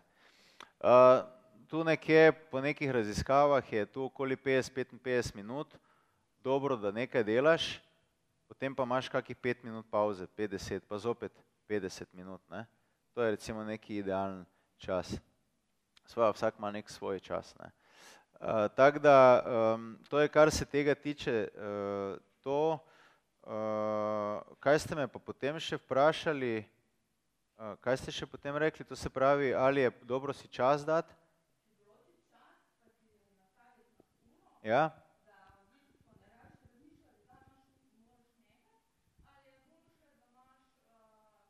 Po, po občutku. Ja, se to pravim, ja. Boljše, boljše, da si daste čas. Ne. Je pa zelo pomembno, gledajte, tudi pri fokusu, ker mi smo rekli, da se določeni deli možganov se vklapljajo odmor. Odmor je sestavni del vsega. Če nimaš odmora, potem se ti bo to počasi začelo uh, kopičiti, neka utrujenost in potem se predvsem ta izvršilni sistem upočasni, potem pa prijejo oni drugi. Ne. Uh, hrana, televizija, računalnik, telefon, nagrajevalni sistem, ne, ko ta ne more več toliko kontrolirati, tako da morate imeti odmor, malo se spočiješ, fizična aktivnost je zelo dobra, pa potem zopet. Ne. In na začetku je dobro, dejansko, če imate težave s fokusom, točno si povedati, zakaj nekaj počneš, ne? takrat boste še toliko bolj močni v tem svojem fokusu. Ne? Še kaj? Še kako vprašanje? Mene zanima, kakšne so najpogostejše napake pri napredovanju v fokusu. Recimo, da ima nekdo cilj, povečati fokus, kaj so najpogostejše napake? Kaj počnemo? Najpogostejša napaka je Ja. ta, da imaš uh, orientacijo na rezultat. Pre, pretirano. Ne? Se pravi, orientacija na rezultat uh, ti jemlje fokus, zakaj? Ker ti daje že v bistvu samem uh, neka čustva, ki, ki še ti nisi končal naloge. Ne? Vedno mora biti fokus na aktivnostih, to je tisti dejanski fokus. Cilj je samo sopotnik pa razlog, ki sta v bistvu spodaj, ne? ki določa ta aktivnost. In večina ljudi, recimo spoh start-uperov, si jaz predstavljam, še nisem tega nikoli delal. Ne? Ti si zdaj zamisliš, kako ti bo to uspelo in se že vidiš, kaj boš imel, kaj boš vse delal, kaj se ti bo dogajalo. In če imaš fokus preveč na tem, se lahko zgodi, da dejansko boš sebe že nagrajeval, razumete, preko te eh, pozornosti, ki jo imaš, in boš bistveno manj potem dobil neke motivacije, da bi neke zadeve, ki so težke, izvajal. Ne? Uh, Tako da to se mi zdi, da je največja past fokusa, ne? da prehitro bi rad imel neko nagrado in potem se s tem rezultatom končnim včasih malo polnimo, sploh športniki tudi, ne? se jim to redno dogaja. Ne? Eno vprašanje še. Ja. Za tule pri aktivnostih je bilo nekaj ali ne. ne? Ja. Ja. To ni multitasking, če imaš recimo, a lahko ti recimo osem aktivnosti melješ sočasno. Da imaš ti osem področji, na kaj moraš paziti. Recimo lahko športnik je na osem, eh, na osem področji hkrati pozoren. Ja, gledajte, uh, hkrati težko, ne? Uh, osem je že zelo dosti. Zdaj recimo, ko si v službi, normalno, da moraš več stvari hkrati početi, ne? Ampak če pa imaš nekaj zelo pomembnega, dobro, da se samo za tisto sfokusiraš, pa potem greš nekaj drugega delati, če je nekaj res, res pomembno. Ne?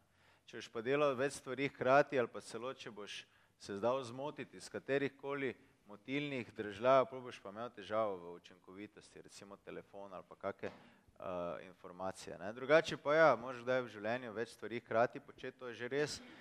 Zdaj tu so določene kapacitete, eni so sposobni več stvari hkrati početi, ne? eni mogoče malo manj, to je pa potem tisto, po čemer se lahko tudi včasih ločiš. Ne? Ampak če se le da, poskušaš omejiti in se osredotočiti na čim manj zadev. Ne?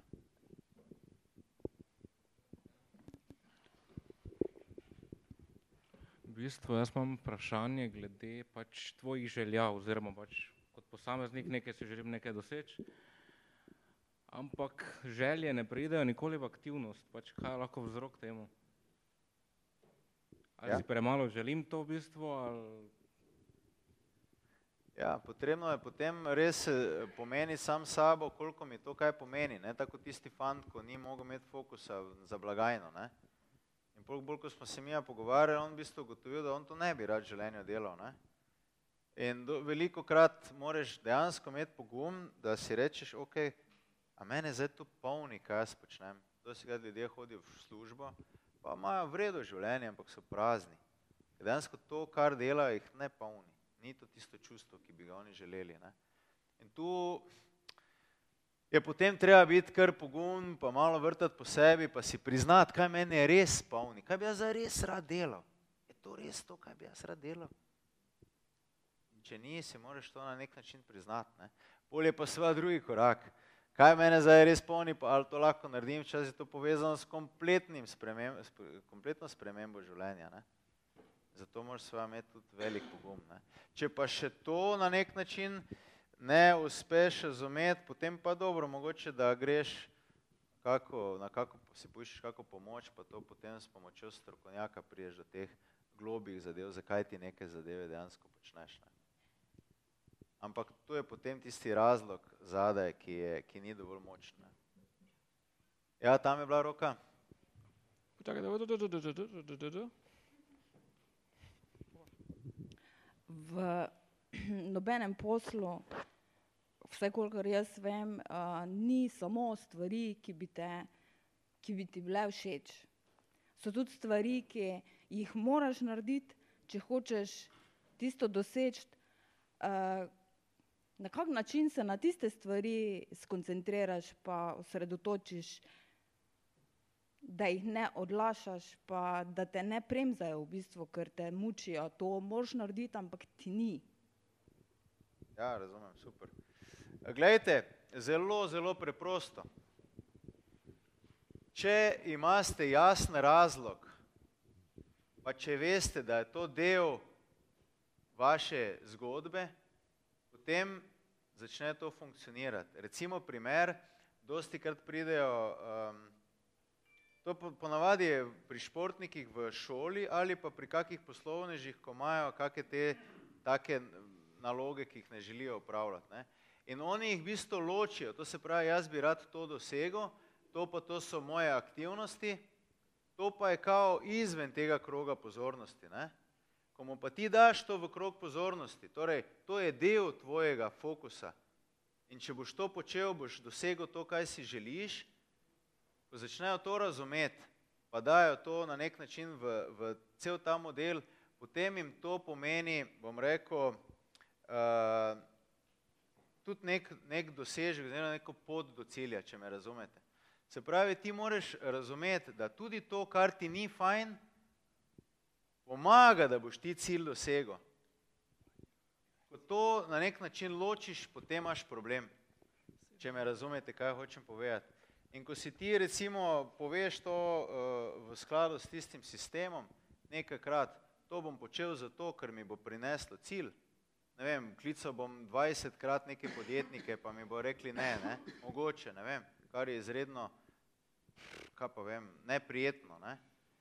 Če nekaj počneš, pa prosiš za denar ali pa prosiš za neke ponudbe, veš, da boš dosegel, da boš doživel ogromno nejo. Ampak ti veš, da to, da to počneš, je v tvojem krogu pozornosti in to ti bo prineslo na 20 klicov eno pozitivno ponudbo, recimo. In če ti to veš, pa imaš v svojem sistemu, ti bo to avtomatsko lažje početi. Če pa imaš ti to izven svojega sistema, da je to kot nekaj, kar ti ni fajn, pa bi ti samo počel tisto, kar te bo nagrajevalo, pa boš potem imel s tem problem. Ja, to si je treba potem na ta način razložiti, pa vedno povezati, najti povezavo. Ne? Recimo otroci dosti krat noče v šoli delati, športniki, pol pa mu razložiš, če ne boš v šoli delal, ne boš mogel igrati nogometa. Ne? Se pravi, ti, ko delaš šolo, ti pomagaš nogometu, je tako? Ja, ja zdaj pa to nekaj drugega. Ne? Zdaj pa je nogomet del, uh, mislim, šola del nogometa naenkrat. Ali pa je pisanje ponudb del tega, da bi ti rad dosegel uspeh na tem področju. Ne? Ni več nekaj, kar je izven tega sistema, razumete? Vedno moraš raz, z razlogom, pa s tistim, kar je spodaj, povezati, pa da dobiš namen, pa da dobiš, zakaj jaz nekaj počnem. Potem boš to bistveno lažje počel, če pa zakaj ni, pa ti vedno uh, bega fokus.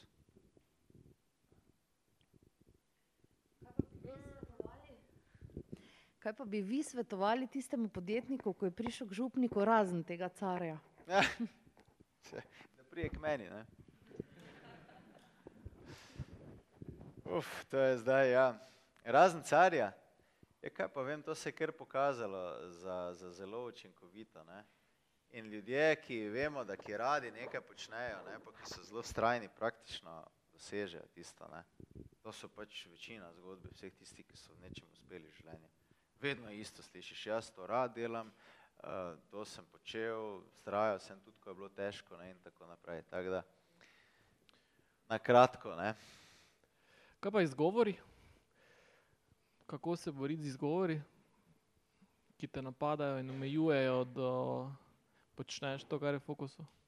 Kakršni koli izgovori. Pač. Ja. ja, to je pa to, da moraš na nek način skozi ta žaromet, ki gre k onim nezavednim sistemom, ki vam hočejo vzeti pozornost, ne, ki se jim ne da, ki bi radi se nagrajevali, jih morate vedno znova s tem namenom usmerjati, čakaj, jaz imam to, pa to, pa to, pa to. Pa ne, stari, pa nas se mi da, danes bom jutri. Ne, to sem si zadal, to bom zdaj delal, ker imam jasno aktivnost. Nimam ono, bom malo boljši. Ne, jaz imam na dan bom uh, toliko pa toliko uh, tekel, da bom zmanjšal recimo kile ali pa da bom zboljšal svojo postavo, pa da bom potem imel malo boljše občutke. Imam jasno določene aktivnosti, nema tu trte mrte in ti moraš non-stop preklapljati. Ne? Oni nezavedni deli ti kradejo pozornost, ti si moraš dati nazaj. Ne, to bom naredil. In predno začneš, se lepo malo sprostiš, to pa to imam, zato pa zato gremo. Pomaste bistveno manj šanse, da bo izgovori prišli na plan v obliki razno raznih držav, ki naenkrat postanejo super pomembni. Ne? Pa bom zdaj še to malo pospravil, predno začel delati, ja pa tam še rožo zaliv, ne? pa vse vemo, kako to poteka. Pa, ali pa malo še bom pogledal, samo 20, dve, dvakrat bom scrollal na Facebooku, Instagramu, pa si nekaj 20 minut gor. Tako da moraš imeti, se pravim, jasno to eh, pred sabo in ko to temu slediš, strajno, potem imaš bistveno več šans, da boš sam svoj gospodar. Mhm. Ja. Čakajte na mikrofon, prosim. Ja, v bistvu imam en problem in sicer, da najbolj efektivno, pa najbolj fokusirano delam po noči. In to pomeni po noči od desetih zvečer pa do štirih zjutraj. To verjetno mam je ostalo, zato ker sem bila profesionalna tenisačica in sem se vedno po noči učila in to je šlo leta in leta skozi. Zdaj mene zanima, če je v bistvu znanstveno dokazano, da vem, je boljše se zbuditi ob petih zjutraj, pa smo bolj fokusirani, ali je lahko to odvisno od človeka do človeka. Torej, v bistvu, če to moram spremeniti, ali pač si življenje na tak način oblikujem, da bo to šlo skozi. Ja, razumem. Ja. Uh, kak? Ja, vse to sem mislil, ali pa Čile. E, malo poznate koga v Čilu? um, ja, zdaj načeloma vse, kar uh, v bistvu je uspešno, je, je ok. Ne? Drugače pa lahko tudi na ta način funkcioniraš. Jaz recimo tudi tako funkcioniram. Ne? Jaz sem vse, kar sem naredil, sem naredil po noči. Je pa dejstvo, da recimo zjutraj si bolj spočit in v, ko spiš, uh, dobiš te možganske valove, ki so bolj počasni, tudi celo delta ali pa teta, ki so še bolj počasni in ko se zbudiš, praktično to, kar si rečeš, se bistveno bolj te prime. Ne? Torej, po tej logiki, če ti se zbudiš, pa si umirjen, svoje, če si dobro spal, pa si potem vse to pove, zdaj bom pa to pa to naredil, pa se malo razgibaš, načeloma lahko boljše funkcioniraš zaradi tega. Ne? Uh, če pa ti to funkcionira, da tudi po noči, ko se vse umiri na nek način, ker meni je po noči zato fajn, ker vse mir, mislim mir je, naenkrat je tišina, vse se umiri, nimam nekih motečih držljajev, uh, pa tudi potem to deluje. Ne? Bistveno je, da delaš tiste stvari, ki si si jih zadal, da te bojo pripeljale k cilju. Če se počutiš utrujen po noči, pol to ni za tebe, če pa se počutiš ok, pa če slediš aktivnostim, ki te pripelje do cilja, pa, pa po mojem je tudi ta enačba čisto ok. Ne? Ker včasih se ne da spremeniti, ne? tako na hitro, jaz se, jaz se tudi nisem mogel. Ne? Pa sem bil recimo smučen, ob petih zjutraj bilo treba vstati, ampak prvič, ko smo prišli s tekom 15. aprila do 11. lagano, ne?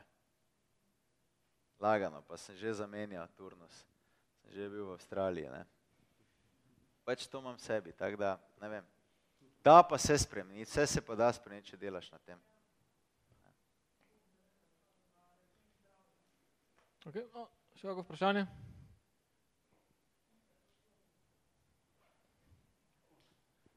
Dobro, potem pa uh, hvala res za vašo pozornost. Meni je bilo zelo drago biti med vami. Upam, da ste slišali kaj pozitivnega, kaj dobrega, kar vam bo pomagalo za naprej.